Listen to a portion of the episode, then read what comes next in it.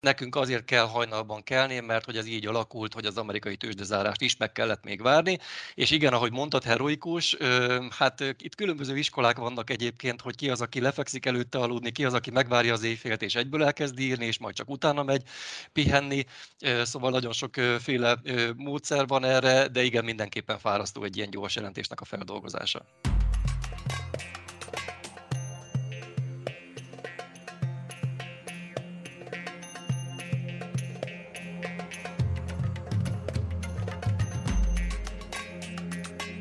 Jó napot, sziasztok! Ez itt a Portfolio részvény podcastja, én Orosz Márton vagyok, és egy különleges adással készültünk a mai napra, konkrétan egy körkapcsolással, annak apropóján, hogy az összes magyar blue chip közzétette éves jelentését, úgyhogy most megnézzük, hogy hogy alakultak a számok, és mi áll a háttérben az OTP-nél, a MOL-nál, a Richternél és a Magyar Telekomnál. Elsőként Nagy Viktor kollégámat, a, a vezető elemzőjét kapcsolom Budapest második kerületében, akivel az OTP-ről fogunk beszélgetni. Halló Viktor, itt vagy a vonalban, szia! Szia Marci, üdvözlöm a hallgatókat, igen, itt vagyok. Mielőtt belevágnánk itt az OTP ügyeinek a kitárgyalásába, egy kicsit hadd kérdezzek néhány dolgot azok, azon hallgatóink számára, akik annyira azért nincsenek képben a tőzsdei folyamatokkal, helyzettel. Egyrészt kíváncsi lennék arra, hogy mi az a blue chip, mit jelent maga a kifejezés, kire használjuk ezt mondjuk Magyarországon. Másrészt kíváncsi lennék arra, hogy hogy van ez a gyors jelentési szezon, ilyenkor ez hogy szokott működni, miért pont most van ez, és hát a harmadrészt pedig, hogyha én jól tudom, akkor ti heroikus küzdelmet folytattok azzal kapcsolatban, hogy azért itt hajnalban kell kellenetek, hogy megszerezzétek ezeket a friss eredményeket. Kicsit igazítsál minket ebben a világban. Igen, akkor megyek sorrendbe, a kérdései sorrendjébe próbálom meg megválaszolni. Szóval, hogy az első kérdés, hogy mik azok a blue chipek. A magyar tőzsdén a kiemelten kezelt, a legnagyobb piaci kapitalizációval rendelkező vállalatoknak a részvényeit nevezzük blue chipeknek. Négy ilyenünk van jelenleg, de azért vannak trónkövetelők, akik igyekeznek felnőni a négy mellé, de alapvetően az OTP-ről, a MOL-ról, a Richterről és a Magyar Telekomról beszélünk, amikor blue chipeket emlegetünk a magyar tőzsdén. Negyed évente egyszer teszik közzé végzi a gyors jelentésüket ezek a vállalatok. Tehát amikor eltelik az adott egyed év, akkor utána jellemzően egy-másfél hónappal érkeznek a számok. Így most az első, az idei első negyed év után már túl vagyunk a, a gyors jelentési szezonnak a nagy részén, tehát a blue chipjeink is közzétették már a, a negyedéves beszámolóikat. És igen, ahogy te is említetted, jellemzően piaci kereskedési időn kívül teszik közzé a hazai vállalatok a gyors jelentéseiket. Már ez sem teljesen igaz, de a nagyokra még igen és hát a, a négyből egyébként három hajnalban, tehát nulla órakor teszi közzé a gyors jelentését. Ez sok esetben már csak, már csak így megmaradt nekünk régebbi időkről.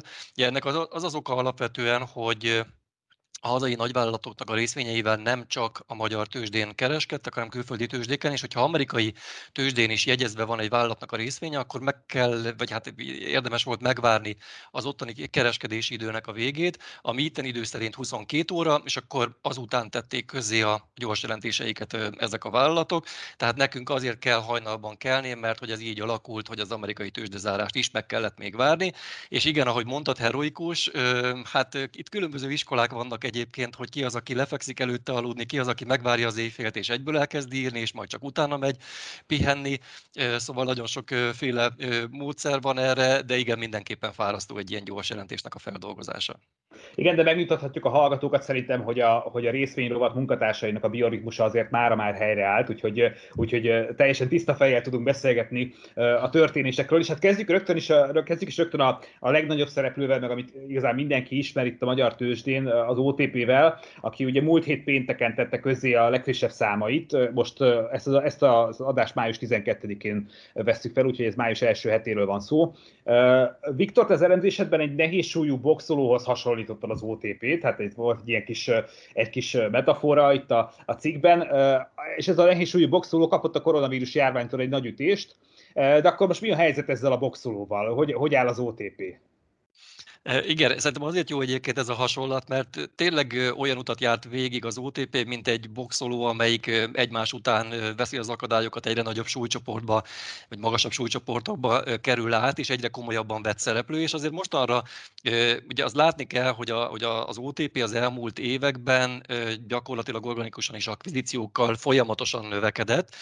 2014 óta sorban szállította a bank az akvizíciókat Horvátországban, Romániában, Bulgáriában, Szerbiában, Szerbiában, Szlovéniában, Moldáviában, Montenegróban, Albániában is bankot vett az OTP, és ugye ezek egymás után épültek be, ezek a megvásárolt bankok a bankcsoportba, és úgy nőttek az állományok, a hitel és a betétállomány, és hát persze ezzel együtt a, azért a bevételek és a profit is. Ja, csak hogy mondok, mondok néhány számot, a mérleg főszeg az OTP bankcsoportnak a nagy akvizíciós hullám előttihez képest 2,3-szeresére növekedett, a hitelállomány duplázódott, a betétállomány 2,7-szeresére nőtt, tehát mostanra az OTP egy akkora bankcsoport lett, amelyik negyed évente több mint 300 milliárd forint bevételt, és hát, hogyha azt nézzük, hogy békeidőben mit tud a bank, akkor nagyjából 100 milliárd forint profitot ér el. Tehát azért ez, ez brutális. Összehasonlítás képen, tehát hogy jelenleg az OTP több profitot termel három hónap alatt, mint mondjuk a 2008-as válságot követő években egy egész év alatt. És igen, egyébként, ahogy igen, tehát hogy a pandémia bevitt egy gyomrost az OTP-nek, ez is igaz, ezért az alapvető, alaposan belerondított a képbe. Tavaly az első negyedévben 92 milliárd forint volt a kockázati költség és a céltartalékolás, az év egészében pedig 188 milliárd forint, tehát hogyha, hogy, tehát ezek mind nyomás alatt tartották az OTP OTP-nek a profitját, tehát azért alaposan megszenvedte a bank a pandémiát.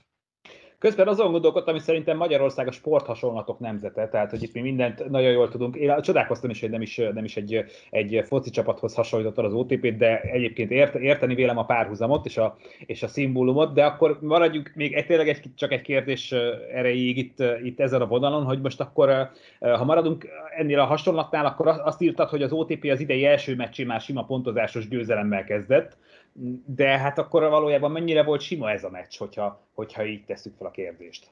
Hát igen, a sportosoknál maradunk, akkor nagyon-nagyon sima volt ez a meccs.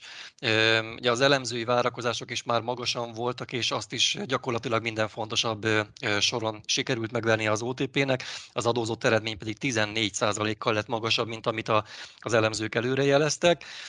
Ugye az előbb említettem, hogy az OTP mostanára akkora bankcsoport lett, hogy, hogy negyed évente több mint 300 milliárd forintos árbevét, vagy összes bevételt ér el, és ez most is összejött, 301 milliárd forint lett az összes bevétele a banknak, ami 6%-kal magasabb, mint az egy évvel korábbi. Ennek egyébként az összetétele érdekes, mert hogy bár százalékos növekedésben a díj és jutalékbevételek nőttek nagyobb mértékben, ott 4%-os volt a bővülés, miközben a nettó kamatbevétel csak 1%-kal nőtt, de hogyha abszolút értékben nézzük, azért, hogy nyilván a kamatbevételek a meghatározóak, és ezek tettek hozzá abszolút értékben többet a bevétel növekedéséhez. És érdemes még egyébként megemlíteni azt is, hogy a magyar alaptevékenység az rekordbevételt ért el. Tehát Magyarországon az OTP soha nem ért még el három hónap alatt akkora összes bevételt, mint most, 42%-át szállította a csoport bevételének a magyar operáció, Na de, Ugye eddig beszéltem a, bevételekről, de ami a legtöbb piaci szereplőt, a befektetőket általában érdekli, hogy mekkora profitot ér el a bankcsoport, és hogyha a korrigált adózott eredményt nézzük, akkor 117 milliárd forint lett. Ez minden idők második legmagasabb negyedéves profitja az OTP-nél. Ennél magasabb gyakorlatilag csak egyszer a tavalyi harmadik negyedévben volt, tehát brutális, a, a, amit az OTP teljesített most az első negyedévben. És hogyha pedig a korrekciós tételeket is figyelembe vesszük, ugye itt jellemzően a bankadóról, az akvizíciók hatásairól van szó. Szóval, ha ezeket is figyelembe veszük, akkor 93 milliárd forint lett az adózott eredmény, ami azért az OTP-nél benne van a top 5-ben, tehát nagyon erős lett ez a negyed. Hát ezek nagyon komoly számoknak hangzanak, különösen, hogyha én jól, jól sejtem, akkor a, a gazdasági körülményeket figyelembe véve kell, kell értékelni ezeket a számokat, úgyhogy így, így aztán valóban szépnek tűnnek. De, de nézzük már egy picit részletesen, hogy minek tudható be, hogy, hogy a bevétel és a profit az ilyen magas szinten gyakorlatilag hát a korábbi rekordoktól alig elmaradva alakult. Ugye több tényezőt is ki lehetne emelni, én azt gondolom, hogy három dologot érdemes kiemelni azok közül a tényezők közül, amik a, a növekedést segítették. Az egyik az a hitelállománynak a bővülése, a másik az a kamatmarzsnak a mérsékelt javulása, vagy hát stabilizálódása, mondhatjuk így is, a harmadik pedig a kockázati költségeknek a visszaesése. Most kezdjük az elsővel, hogy a teljesítő hitelállomány egy negyed év alatt 2%-kal, vagy abszolút értékben nézve 233 milliárd forinttal nőtt nőtt az OTP-nél. Jelentős volt a növekedés Magyarországon, Ukrajnában, Romániában. Egyébként, hogyha külön nézzük a termékkategóriákat, akkor a jelzálog és a fogyasztási hitelek organikusan is szépen nőttek, vállalati hiteleknél is volt bővülés, a magyar fogyasztási hitelek 7%-kal tudtak növekedni, tehát a KKV hitelek 14%-kal, tehát több termékkategóriában és több országban is szép növekedést láttunk. Ez az első fontos tényező, tehát a hitelállományoknak a növekedése. A másik, hogy a marzs erózió az lassult az OTP-nél. Tehát itt ugye az elmúlt években jellemzően folyamatosan csökkentek a marzsok, ahogy a jegybankok csökkentették a kamat, kamatokat az alacsonyabb kamatkörnyezetben a bankok marzsai is zsugorodnak. Itt viszont az elmúlt negyed évben, az első negyed évben 5 bázispontos növekedést láttunk, ez azért minimálisnak mondható, de egyfajta reménysugár, hogy a stabilizálódás talán elindult. Ezzel kapcsolatban azért érdemes megjegyezni, hogy jellemzően azért a következő negyed évben inkább a romlás irányába mutatnak a, a jelek, de ez a fajta stabilizálódás az első negyed évben ez mindenképpen optimizmusra ad okot. És a harmadik pedig a kockázati költségnek az alakulás, hogy mennyi céltartalékol a bank. És hát itt ezen a soron az első negyedében csak 8,5 milliárd forint volt ez a tétel, miközben az elemzők is közel 25 milliárd forintra számítottak. A hitelportfóliónak a minősége az olyan jól alakult, illetve az OTP az elmúlt negyed években gyakorlatilag elvégezte a házi feladatát, és, és komolyan masszívan céltartalékolt, tehát ennek tudható be, hogy az első negyed évben már nem volt akkora szükség a céltartalékolásra, ez is segítette az eredménynek a javulását. Itt korábban beszéltünk arról, hogy, hogy egy komoly akvizíciós hullámon van túl az OTP, de ezzel, ezzel ennek mi az eredménye, vagy mi a helyzet ezzel? Látszanak-e már például a szinergiák a megvásárolt bankoknál? Hogy lehet ezt értékelni, ezt a folyamatot? Igen, ugye ezt az elemzésemben is kiemeltem, hogy azért, amikor egy bank megvásárol egy másikat, akkor jellemzően szeretik azt kommunikálni, hogy hát itt azért igyekeznek mondjuk a fiókokat sem bezárni, alkalmazottakat sem, vagy az alkalmazati létszámot sem leépíteni, tehát a racionalizálást úgy, meg, úgy végrehajtani, hogy, hogy az minél kellemesebb legyen, úgymond. Azért ennek jellemzően a valóságban az ellenkezője az igaz, és az az OTP-nél is látszik. Egy év alatt 230 fiókkal csökkent az OTP csoportnak a fiókhálózata. Bulgáriában, Horvátországban, Montenegróban is több egységet be kellett zárni, és hát ezzel párhuzamosan egyébként a dolgozói létszám is csökkent 2246 fővel egy év leforgása alatt. Itt is Bulgáriában, Oroszországban, Szerbiában, Montenegróban, Horvátországban voltak jelentősebb csökkentések. Tehát látszik, hogy ezek a lépések azért összességében mind a költséghatékonyság javulása irányába hatnak, és azt gondolom, hogy ezeknek a lépéseknek a, a hatásai a következő negyedévekben is jelentkeznek majd. Az egyébként látszik már, hogy milyen irányokba indulhat el az OTP, vagy milyen irányokba folytathatja az akvizíciós tevékenységet? Vannak itt már konkrétan újabb célországok esetleg? Igen, tehát ezzel kapcsolatban a kapaszkodó gyakorlatilag Csányi Sándornak a, a legutóbbi kommentje adhat, ugyanis a, ugye a bank első embere még évelején azt mondta, hogy jelenleg három országban tárgyalnak, és a Csányi szerint idén lesz bejelentés, és hát azt mondta, hogy a három célpont közül az egyiknél olyan országról van szó, ahol az OTP már jelen van, tehát ebből azt a következtetést vonhatjuk le, hogy akár két új országban is megjelenhet az OTP, ahol eddig még nem volt jelen. Két nagyon forró sztori van most az OTP-vel kapcsolatban, és gyakorlatilag mindkettő történelminek mondható a maga nemében. Az egyik egy szlovéniai bankvásárlás, az ország második legnagyobb bankját, a Nova KBM-et veheti meg az OTP, és hát a, állítólag tehát a legfrissebb hírek alapján nem csak az OTP, hanem akár az Erste Bank is az érdeklődők között lehet. A vételár egyébként itt nem kevés, hiszen a hírek szerint a szlovén bank könyv szerinti értéken, vagyis közel egy milliárd eurón mehet majd el. Ez, ez gyakorlatilag ez messze a legnagyobb bankvásárlása lehetne az OTP-nek, tehát ezért is nevezhetjük történelmének, mert még soha nem volt ekkora bankvásárlás, mint a szlovén bank lehet, ha megveszik. A másik, amiről szólnak a hírek, az pedig Üzbegisztán. És az meg azért történelmi, mert hogy, mert hogy az OTP a történetében először Európán kívül terjeszkedhetne. Voltak ugye már hírek arról korábban, hogy Vietnámban vagy, vagy akár Kínában vesse meg a, a lábát az OTP, de ugye azok a tranzakciók azok nem realizálódtak, Üzbegisztán viszont eléggé sanszos. Ez lehet az első Európán kívüli ország, ahol az OTP megjelenik. Hát szálltunk üzbeg aztán felett, hogy egy klasszikust idézzek a magyar, magyar YouTube korai történelméből. Akkor az akvizíciók után egy picit még, még arról beszél, légy szíves nekem, hogy, hogy az most mi, milyen folyamatokat látszódnak, hogy egy ilyen erős negy, első negyed év után mi jöhet itt még 2021-ben az egész évet tekintve? Hogy áll, hogy áll az OTP, és milyen, milyen terveik vannak, és egyáltalán elemzőként mire lehet számítani? A menedzsment azt mondja, adott nekünk néhány kapaszkodót azzal kapcsolatban, hogy 2021-ben mire lehet számítani. Ezek egyébként összességében nem jelentenek akkor a meglepetés, hiszen nagyjából az első negyed év tendenciáiból is kiolvashatók. Tehát az egyik ilyen várakozás, hogy a saját tőke arányos megtérülése a bankcsoportnak várhatóan magasabb lesz, mint tavaly. Azért ez nem rocket science, tehát hogy a, a tavalyi évben azért nagyon sok ö, ö, e, extra tétel, cél, magas céltartalékolást tartották nyomás alatt az eredményt, ezek valószínűleg az idei évben már nem jelentkeznek, tehát a ROE az várhatóan magasabb lesz, mint tavaly. Igen, az alacsony, alacsonyabbak lesznek a kockázati költségek, mint tavaly, ez sem egy nehéz vállalás, nagyon úgy tűnik, hogy az a 188 milliárd forint, amit tavaly megképeztek, azért az brutális, az, az, az nem fogja megismételni a bankcsoport 2021-ben, és a hitelállománynak a növekedése is magasabb lesz, mint 2020-ban és a nettó kamatmarsnak a csökkenése tovább folytatódhat, amit már az előbb mondtam. Tehát összességében inkább pozitívak a folyamatok az OTP-nél, a profitabilitás, a profit emelkedése várható idén.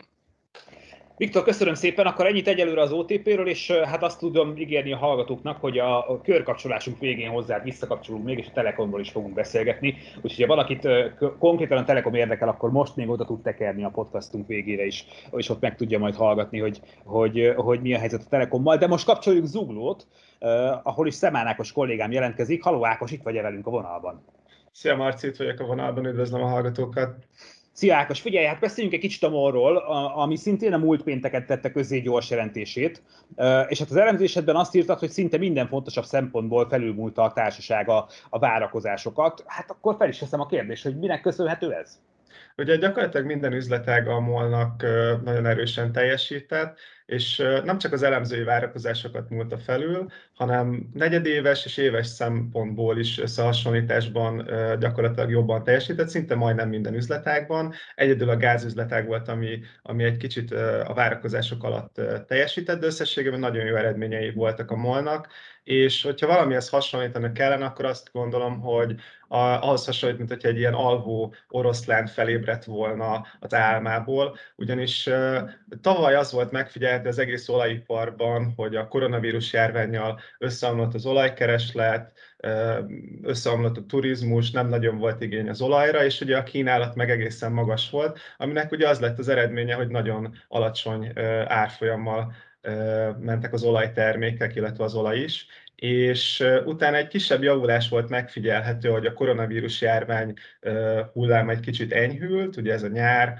a, a tavalyi harmadik negyedév környékén volt, és akkor nagyon erős volt a MOL, tehát már egyszer megmutatta, hogy, hogy, hogy mire képes a társaság, hogy milyen potenciál van benne, de aztán ugye jött az újabb hullám, az újabb korlátozások, ami után megint egy gyengébb teljesítmény volt, és talán most látszik az, hogy, ahogy, ahogy elkezdődött a gazdasági kilábalás, hogy megint nagyon erős teljesítményt hozott a MOL, és talán itt érdekességképpen érdemes kiemelni azt is, hogy a, a MOL ugye egy integrált olajtársaság, ami azt jelenti, hogy, hogy az olaj kitermelésétől egészen a, a végéig, ugye a kiskereskedelmig, az üzemanyag értékesítésig részt vesznek ebben a láncolatban, és ugye ez egy olyan üzleti modell volt, ami, ami hosszú éveken, évtizedeken keresztül nagyon jól működött. Ugye az olajár általában inkább ciklikus teljesítményt mutat, néha magasabbak az árak, néha alacsonyabbak a kereslet kínálat függvényében, és akkor ugye erre az olajtársaságok sokszor ugye több üzletágat építenek ki, hogy ezt valamilyen módon tudják stabilizálni, de a koronavírus járvány olyan sok volt, ami még ezt az integrált üzleti modellt is nagyon érzékenyen érintette, és az látszik, hogy ahogy a, a, a, a harmadik hullám a koronavírusnak ugye enyhül, ez az olajtársaságok teljesítményében is meglátszik, és a MOL is nagyon jó teljesítményt mutatott. Ákos, én külön köszönöm neked az állatos hasonlatot, tehát most már ugye volt egy sport hasonlatunk, egy állatos hasonlatunk, úgyhogy remélem, hogy Fekete Be a Richterrel kapcsolatban is készül majd valamilyen szuper, szuper metaforával, de egy kicsit komolyabb vizekre e-, evezve, itt említetted, hogy az emelkedő olajár az, az igencsak segített a jó teljesítményben, de mit érdemes még kiemelni az egyes üzletágak kapcsán? Mondjuk mi az, ami még fontos lehet befektetői szemmel? Hát ugye a molnak alapvetően négy üzletága van. A, a kutatástermelés az egyik, ahol ugye az olajtermelés folyik. Ugye itt, a, ami, ami nagyon fontos, hogy az olajárak gyakorlatilag tavaly november óta megduplázódtak. November környéken még ilyen 35 dollár környékén volt a, az európai társaságok számára releváns Brent típus árfolyama, és ugye ez gyakorlatilag már majdnem 70 dolláron áll jelenleg, tehát ott egy nagyon komoly emelkedés volt, ez uh, nagyban javította a teljesítményét a társaságnak.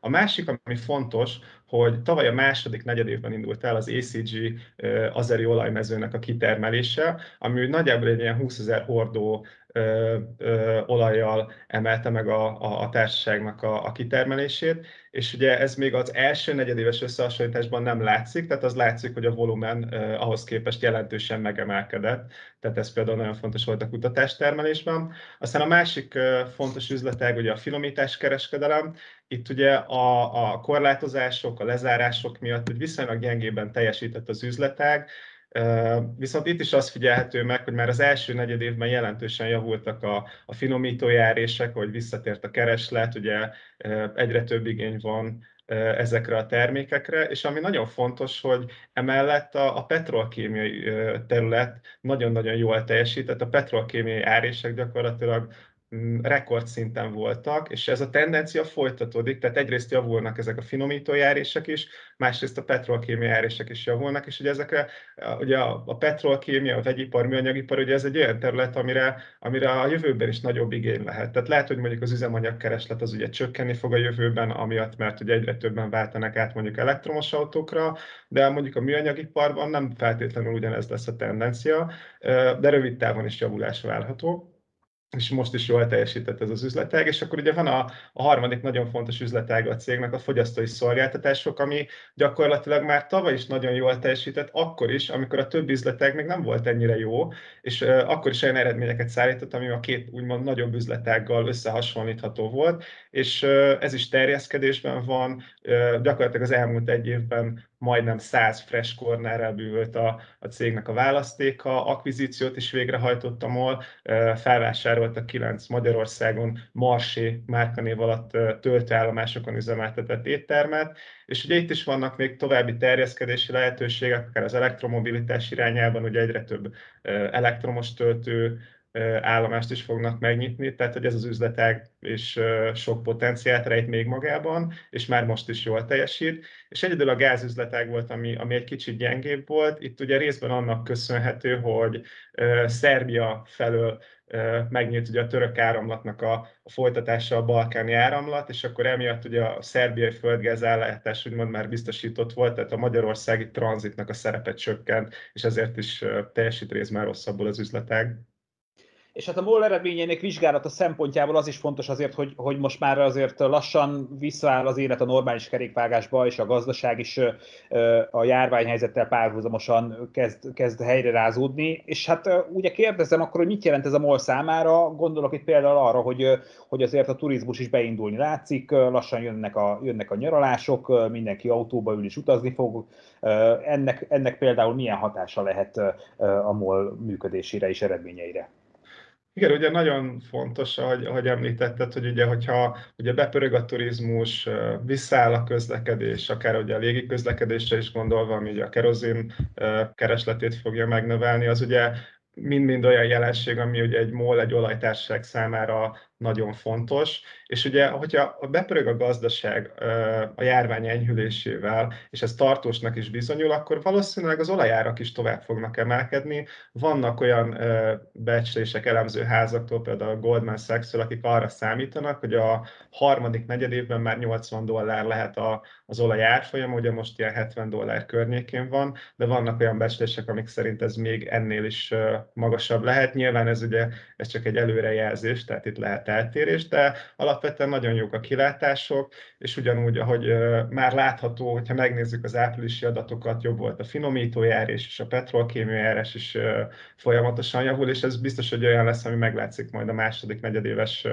teljesítményen is. És ez azért nagyon fontos, mert ugye mindeközben, hogy talpra áll az olajipar, és köztük a MOL is, nagyon fontos az, hogy minél több cashflow termeljenek, mert ugye ők gyakorlatilag még egy energiátmenetben is benne vannak, ami ugye azt jelenti, hogy megpróbálják csökkenteni ugye a, a károsanyag kibocsátásukat, megpróbálnak úgymond kizöldülni ezek a társaságok. A MOL is 2050-re szeretne teljesen karbonsemlegessé válni, és azért ez nem egy, nem egy költségmentes dolog, nagyon sok befektetést fog igényelni, és a MOL is nagyon sok cashflow-t szán erre a, erre a célra, amihez pedig szükséges az is, hogy legyen olyan üzletág, ami sok cashflow-t termel. Úgyhogy ilyen szempontból jók a kilátások.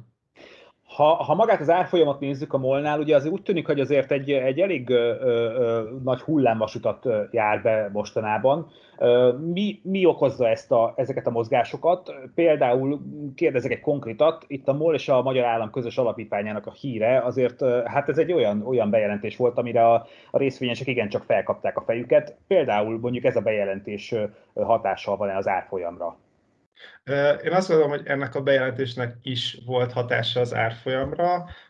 A befektető reakciót nézve azt gondolom, hogy inkább negatív hatása volt. Ugye ez annak köszönhető, hogy a, a saját részvények egy része, ami a Molnál volt, és amikre eddig nem fizetett osztalékot, az átkerül az alapítvány részére, amire utána már fog osztalékot fizetni a társaság, tehát az egy részvényre jutó osztalék tömegnek a, a mértéke az csökkenni fog. Ugyanakkor ez csak egy szempont a sok közül, és azt gondolom, hogy a nap végén a legfontosabb az az a MOL számára is, hogy visszáll a gazdaság, növekedés látható a világgazdaságban, pörög a turizmus, emelkedik az olajár. Ezek, ezek amik a legfontosabbak egy olajtársaság számára, és ez fogja meghatározni az árfolyamot. Ugye a másik szempont, ami nagyon fontos, hogy ugye attól függ, hogy ugye mikor vásárolt valaki MOL részvényt, mert ugye egy jó befektetés az ugye nem feltétlenül egyen azzal, hogy egy jó társaságról beszélünk, hanem az árfolyam is nagyon fontos. Tehát például aki mondjuk tavaly novemberben vásárolt MOL részvényt 1500 forinton, azért azt gondolom, hogy az boldog lehet.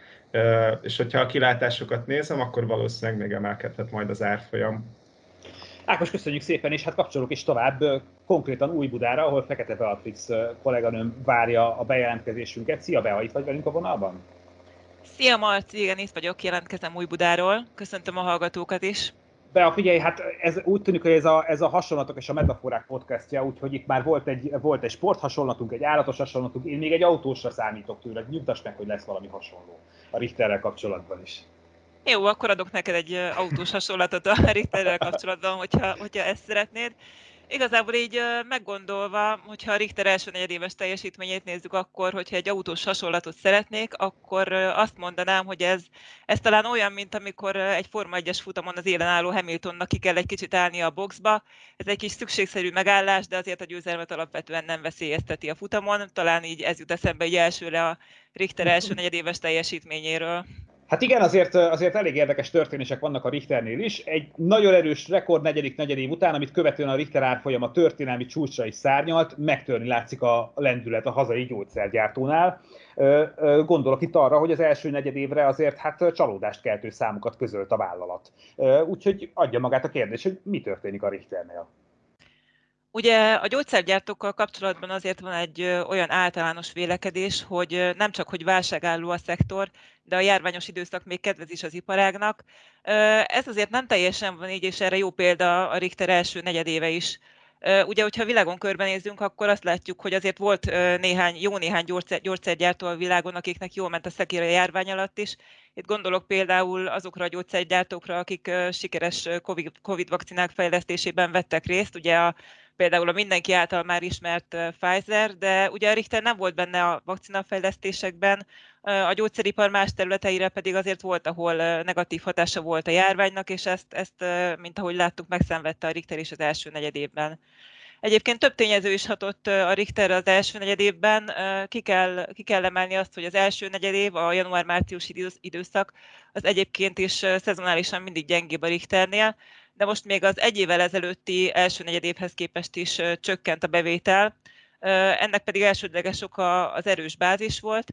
Ugyanis 2020 első negyedévében, ugye, amikor az egész koronavírus járványról, koronavírus járvány elkezdett kitörni, illetve egyre súlyosabbá válni, gyakorlatilag mindent felvásároltak az emberek, és itt nem csak a lisztre, meg a cukorra, meg az élesztőre gondolok, de a gyógyszereket is vették, és így egy magasabb, magasabb bázisról, amikor idén normalizálódott a gyógyszerek kereslete, volt, volt egy komolyabb visszaesés a Richternél.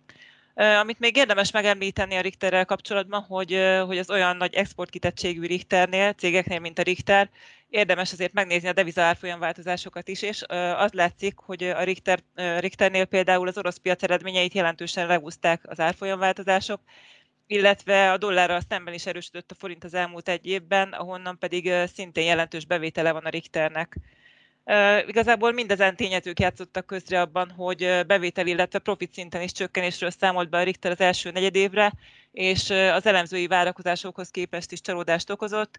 Csak hogy néhány számot mondjak, a, cég bevétele például az előző év azonos negyedévhez, negyedévéhez képest 0,4%-kal csökkent, az adózott eredmény pedig több mint 7%-kal esett hogyha a termékeket nézzük, akkor, akkor mit lehet mondani, mik azok a termékek, amik most mennek a Richternél? Ugye, hogyha én jól emlékszem, akkor tavaly ősszel az egy elég komoly szenzáció volt, és volt jelentős hírértéke, hogy a Richter egy ilyen 4-5 hónap alatt végrehajtotta a, az egyik legígéretesebb a világszerte a COVID kezelésére alkalmazott terápiás készítmény, a Remdesivir szintézisét, majd létszve segíts ki egy kicsit, kicsit minket, hogy ez mit jelent pontosan, és hát el is kezdték alkalmazni a betegeken. Egy ilyen, egy ilyen bejelentés, egy ilyen tényleg szenzációnak tűnő bejelentés, ez például mennyire járul hozzá a cég teljesítményéhez? Uh, ugye, hogy egy kicsit ezt megmagyarázzam, igazából az történt, hogy az amerikai zsiládnak volt volt egy gyógyszer, amit annak idején még az ebola ellen fejlesztett ki, jó, jó pár évvel ezelőtt, viszont a betegség ellen nem volt, nem volt hatékony, ezért, de úgy gondolták, hogy esetleg a koronavírus esetén hatásos lehet, ezért gyakorlatilag tavaly, tavasz óta elkezdték kórházakban alkalmazni és, és figyelni, hogy hatásos-e ez a Remdesivir nevű készítmény a súlyosabb koronavírusos betegek esetén, és egyébként biztatóak is voltak az eredmények, és igazából az amerikai cég úgymond ingyen a világ gyógyszergyártóinak rendelkezésére bocsátotta ezt a szabadalmat, ezt a gyógyszert, és, és így a, a magyar Richter is ki tudta fejleszteni ebből a saját, saját koronavírus gyógyszerét, amit itthon Magyarországon is elkezdtek alkalmazni a kórházakban a súlyosabb covidos betegeknél. Egyébként azt kell, hogy mondjam, hogy ennek a Richter teljesítményére a járvány alatt igazából nem volt hatása, hogyha a cég bevételeit és eredményeit nézzük, hiszen, hiszen ez gyakorlatilag egy bérgyártás volt a cég közlése szerint, ami ugye abból állt, hogy megkapta a kormánytól a megbízást a remdesivir gyártására, a finanszírozást is az állam végezte, a legyártott gyógyszereket pedig a Richter átadta, és, és nem kerültek kereskedelmi forgalomban, így pedig, így pedig bevétele sem keletkezett belőle a cégnek. De egyébként úgy tűnik, hogy azért számít arra a Richter is, hogy hosszú távon velünk maradhat a koronavírus, ugyanis vannak még további koronavírus gyógyszerfejlesztések a Richternél, a rendezívírtől függetlenül, ezek meglehetősen hosszú távú projektek, a cég úgy számol, hogy nagyjából 2025 környékén lehet őket törzskönyvezni, mm, és még azt el kell mondani, hogy egyébként például vakcinafejlesztésben nem vesz részt a cég, és, és nem, is, nem is tervezi, hiszen azt mondja, hogy ebben nincsen tapasztalata, szóval nagyjából igazából a koronavírus tekintetében igazából ezek a termékek voltak a Richternél, amelyek, amelyek nagyjából nem, egyáltalán nem befolyásolták a bevételek alakulását. Ami azért a többi terméket illeti, vannak elég komoly pozíciói, komoly pozíciói vannak a Richternek, például a nőgyógyászat és az idegrendszeri kezelések területén. Ezek az első negyed évben meglehetősen vegyesen teljesítettek. Az egyik fontos portfólió ugye a nőgyógyászati portfólió, ez nagyjából a gyógyszergyártási bevétel harmadát adja most a cégnél, és igazából a vállalat stratégiai célja, hogy, hogy a nőgyógyászat területén egy meghatározó fontosságú globális gyógyszercégé váljon. Ezt egyébként akvizíciókkal is megtámogatta a cég. Januárban például a Johnson Johnson-tól vásárolt fel egy fogamzásgátló tapaszt, az Evra nevű tapaszt, ami mint termék egészen egyedülálló a piacon, és igazából nagy reményeket fűz hozzá a cég, nem is, nem is véletlenül, hiszen azt lehetett látni, hogy már az első negyedében is a amikor ugye nem sokkal azután, hogy lezárták az akvizíciót, gyakorlatilag a Richter top 10 termékéből már a nyolcadik helyen állt ez a tapasz. Uh, igazából összességében el, el lehet mondani, hogy ezen stratégiai üzletág üzleteknek nem, nem, üzleteknek nem segített a koronavírus, a nőgyógyászati termékek forgalma csökkent az időszakban, az előző évhez képest főként az orális fogamzásgátlóknál lehetett jelentősebb csökkenést tapasztalni és bár az újonnan megvásárolt tapasz akvizíciója azért nagyot lendített a bevételeken, például ennek volt köszönhető, hogy Latin Amerikában mintegy 50%-kal növekedett a Richter bevétele, de úgy látszik, hogy ez nem volt elegendő, és nem tudta egyébként a többi termék visszaesését ellensúlyozni.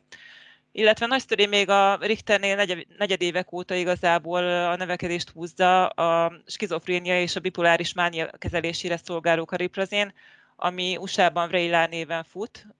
Ez a termék, ezen termék amerikai értékesítései jelentették igazából a növekedés fő driverét az elmúlt negyed években a cégnél, és, és ez a termék még az, az első negyed évben is több mint 25%-os bevételnövekedést tudott produkálni az előző év azonos időszakához képest, és, és úgy tűnik, hogy a kilátások is jók a terméknél, hiszen hogyha lehet hinni az amerikai értékesítési partner becsléseinek, akkor a földrajzi terjeszkedés, illetve az indikáció kiterjesztésének köszönhetően elég jelentős bevétele lesz még ebből a Richternek a következő években is.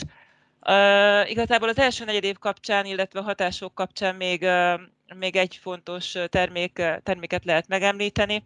Uh, az influenza járvány elmaradása igazából negatívan hatott. Uh, ugye a koronavírus miatt azért az influenza járvány jellemzően elmaradt az első negyed évben világszerte, Európa szerte, és ez például a Richter antivirális szerénynek keresletére igencsak negatívan hatott.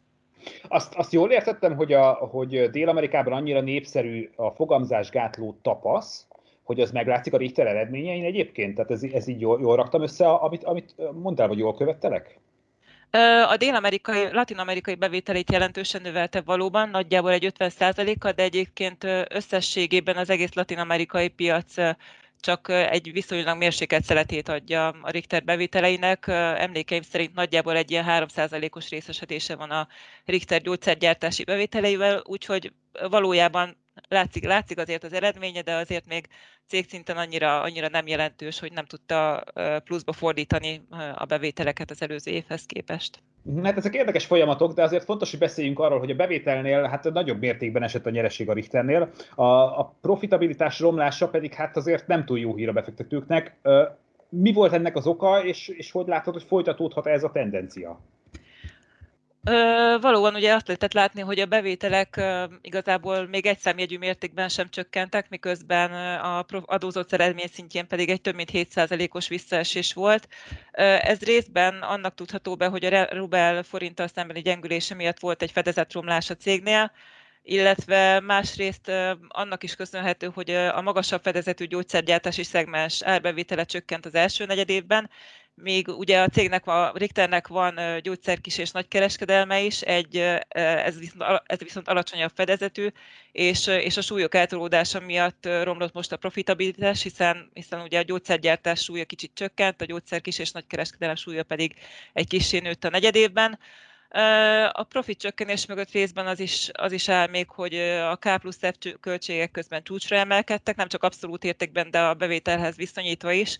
A Richternél nagyon sok biotechnológiai, nőgyógyászati fejlesztési programja van, illetve idegrendszeri projektek is futnak, ezek klinikai tesztjei azért jelentős költségekkel járnak. Igazából, hogy folytatódsz ez a tendencia, azt tudom elmondani, hogy a jövővel kapcsolatban az azért optimizmusra ad okot, hogy, hogy a cégnél cél a specializált termékek arányának a növelése, ami egy magasabb fedezettel értékesíthető termék, így, így igazából a kilátások azért nem rosszak. Beo, egy picit zárjuk pozitívabb hangvétellel ezt a beszélgetést, és picit adjunk valami okot a bizakodásra a Richter részvénytulajdonosoknak. Ugye tudjuk azt, hogy a Richter árfolyama az évelején konkrétan szárnyalt, és, és új történelmi csúcsra is ment, de hát az, lát, az is látszik, hogy március vége óta komolyan lendületet vesztett ez az árfolyam. Milyen, milyen pozitív, pozitívumokat látsz? Mi az, ami, az, ami bizakodásra adhat okot a befektetők számára? Igen, így van valóban. Egy, igen erősen kezdte az évet a Richter árfolyama, és utoljára március végén volt történelmi csúcsony a részvény. Azóta egy kisebb korrekció volt az árfolyamon, illetve inkább már az oldalazás felé hajlik a papír. Ami azonban mégis pozitív lehet a befektetőknek az, hogy a gyors jelentést követő tájékoztatóján a menedzsment megerősítette az idei évre vonatkozó várakozásait. Továbbra is bevételnövekedést, egy egyszámjegyű bevételnövekedést vár a cég. Az egyébként igen erős és rekordnak számító 2020-as év után is illetve további pozitívum az osztalék mértéke. A 2020-as év után ugyanis 225 forintos osztalékot fizet részvényenként a Richter, ez igazából azt jelenti, hogy az adózott eredmény 40%-át kifizeti ezúttal. A korábbi években egyébként a Richternél egy ilyen 25-40%-os sáv van meghatározva osztalékfizetési rátának, és a korábbi években jellemzően a 25%-hoz volt inkább közelebb, úgyhogy ez a 40%-os osztalékfizetési ráta ez most kifejezetten magasnak számít. Ez nagyjából a mostani elfolyammal számolva egyébként egy ilyen 2,6%-os osztalékhozamnak felel meg, és ami még igazából befektetői szemmel pozitív lehet, hogy mindeközben a Richter részvényeinek értékeltsége nem magas, sem historikus viszonylatban, sem pedig az európai szektortársakhoz képest ráta alapján nem drága most a Richter részvénye értelmet, akkor biztosan mondhatjuk, hogy azért nem reménytelen a helyzet itt a befektetők számára. Beain köszönöm szépen, és tovább is kapcsolunk Nagy Viktorhoz ismét, a második kerületbe. Viktor, én könyörgöm, hogy, hogy semmilyen hasonlatot ne találjunk most már itt a Magyar Telekomhoz. Mit szólsz hozzá, benne vagy ebben? Három hasonlattal készültem, de hogyha, de hogyha tényleg ezt szeretnéd tőlem, akkor semmelyiket nem mondom el. Szerintem nem, fogadjuk, hogy az egyik, azt hittem az egyik az egy kórházas lesz, mert talán még a, a, a magyar, magyar hasonlat gondolkodásban a kórházi hasonlatok szoktak még, még jók lenni. Figyelj, én konkrétan szeretnék kérdezni tőled itt tényleg a Telekommal kapcsolatban. Ugye itt egy egészen friss gyors jelentésről beszélhetünk. A kedden piaczárás után érkeztek az első negyedéves számok. A blue chipek közül a Telekom volt a, a, a legutolsó. Okoztak-e meglepetést ezek a számok nektek? Hát azért a Magyar Telekomnál nagyon-nagyon ritkák a meglepetések, és hát azért már most sem volt ez másként, nagyjából az elemzői várakozásoknak megfelelő számokat hozott a vállalat árbevétel és EBITDA szinten is. Ugye a Telekomnál soha nem az a nagy kérdés, hogy látunk-e mondjuk a bevételekben vagy az EBITDA-ban, üzemi eredményben jelentősebb ugrást. Most inkább az volt a nagy kérdés, hogy a pandémiát az hogyan vészeli át a vállalat, és hát eléggé ütésállónak bizonyult a Telekom, ami abból a szempontból szintén nem nagy meglepetés, hogy a távközlési és informatikai szolgáltatások iránt azért világszerte nőtt a kereslet a pandémia alatt, és hát ez volt a helyzet egyébként Magyarországon is. A bevételek közel 2%-kal emelkedtek, az EBITDA több mint 8%-kal nőtt. Ugye ezek összességében azért biztatóak az egész évre nézve, de azért nem érdemes extrapolálni ezt az első negyedéves eredményt. Az egész évben vélhetően azért ennél alacsonyabb lesz majd a növekedési dinamika. Az egyébként látszik-e, hogy mi volt a növekedés motorja konkrétan a Telekomnál? Tudsz-e mondani néhány, néhány olyan, olyan történést, ami, ami ezt, a, ezt a növekedést segítette? Na erre a, vála- erre a kérdésedre úgy is tudnék válaszolni, hogyha egyáltalán nem készültem volna, és meg sem néztem volna, hogy mi van a Telekom gyors jelentésében, mert gyakorlatilag most már évek óta minden negyed évben ö, ugyanazokat a trendeket ö, tudjuk felsorolni. Ö, gyakorlatilag csak a számokat kell mögé tenni, az aktuális friss számokat, de, de, de a folyamatok azok, azok nagyon-nagyon hasonlók.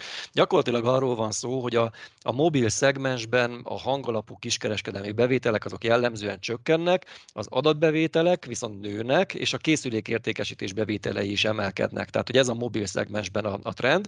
A vezetékes szegmensben pedig arról van szó, hogy itt is a hangalapú kiskereskedelmi bevételek azok visszaesnek, tehát egyre kevesebbet telefonálnak a, az ügyfelek vezetékes telefonon, viszont a szélessávú internet, a TV és a készülékértékesítési bevételek azok meg folyamatosan nőnek.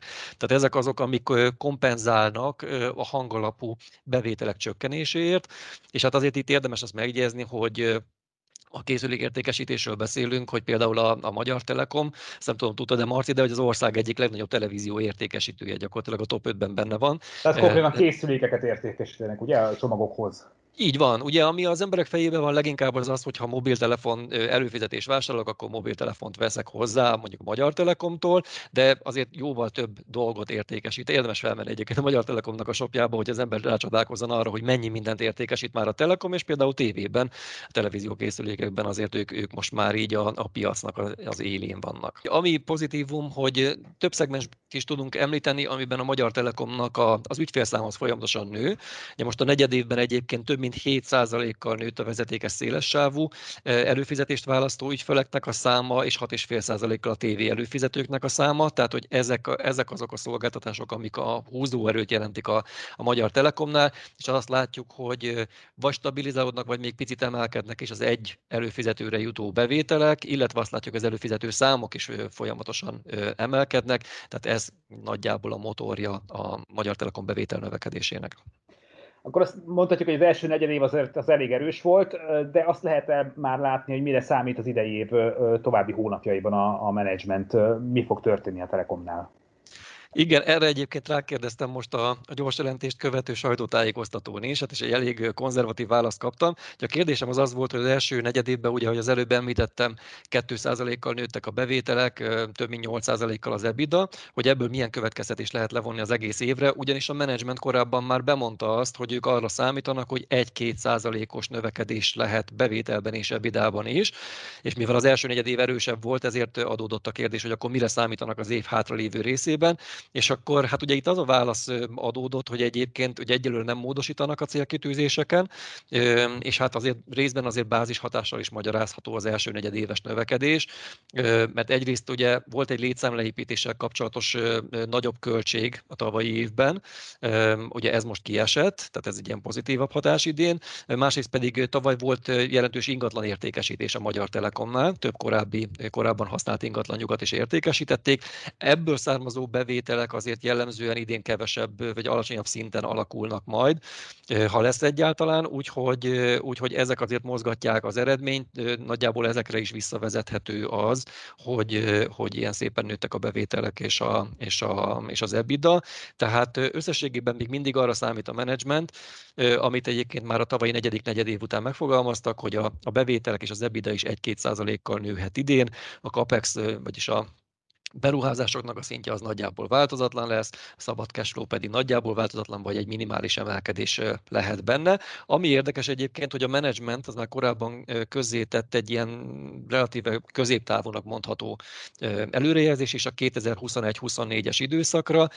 Ott egyébként azt várják, hogy a bevételek nagyjából egy, és az EBITDA is nagyjából 1 százalék körüli növekedése lehet a reális.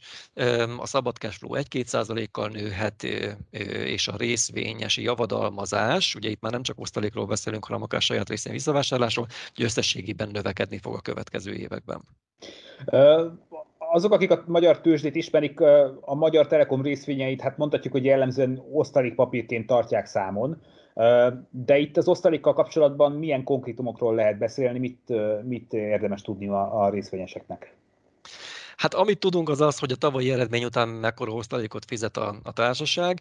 A tavalyi eredmény után 15,3 milliárd forint osztalékot fizetnek, és 10,2 milliárd forint összegben vásárolnak ö, ö, vissza Telekom részvényeket. Egyébként utóbbit egy aukció keretében, amire majd idén június 10-én kerül majd sor. Tehát, hogy azt nagyjából tudjuk, ez részvényesi ö, javadalmazás, ami egyrészt osztalékból, másrészt pedig ö, saját részén visszavásárlásból áll, hogy ez hogyan néz ki.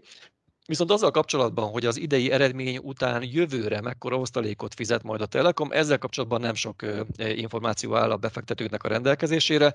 Ugye az, amit az előbb mondtam, nagyjából ez ad nekünk kapaszkodót, hogy ez a részvényenként 25 forintos javadalmazás, ez a következő években valamelyes növekedni fog. Azt, hogy mennyivel arra a menedzsment semmilyen utalást nem tett az első negyed év után. Hát akkor majd meglátjuk itt a következő hónapokban, hogy mi fog történni. Viktori, köszönöm szépen, és hát ezzel zárjuk is Blue Chip körkapcsolásunkat. Én köszönöm szépen a portfólió részvényelemzőinek, Nagy Viktornak, Szemán Ákosnak és Fekete Beatrixnak a segítséget, és köszönöm szépen a hallgatóinak, hogy, hogy, hogy velünk voltak és hallgatatok minket. Kövessetek be minket Spotify-on, Apple Musicon és Soundcloud-on is, és hamarosan újabb podcastokkal jelentkezünk. Bízunk benne, hogy néhány nap múlva már a portfólió stúdiójából tudunk titeket köszönteni. Köszönjük a figyelmet, sziasztok, viszont hallásra!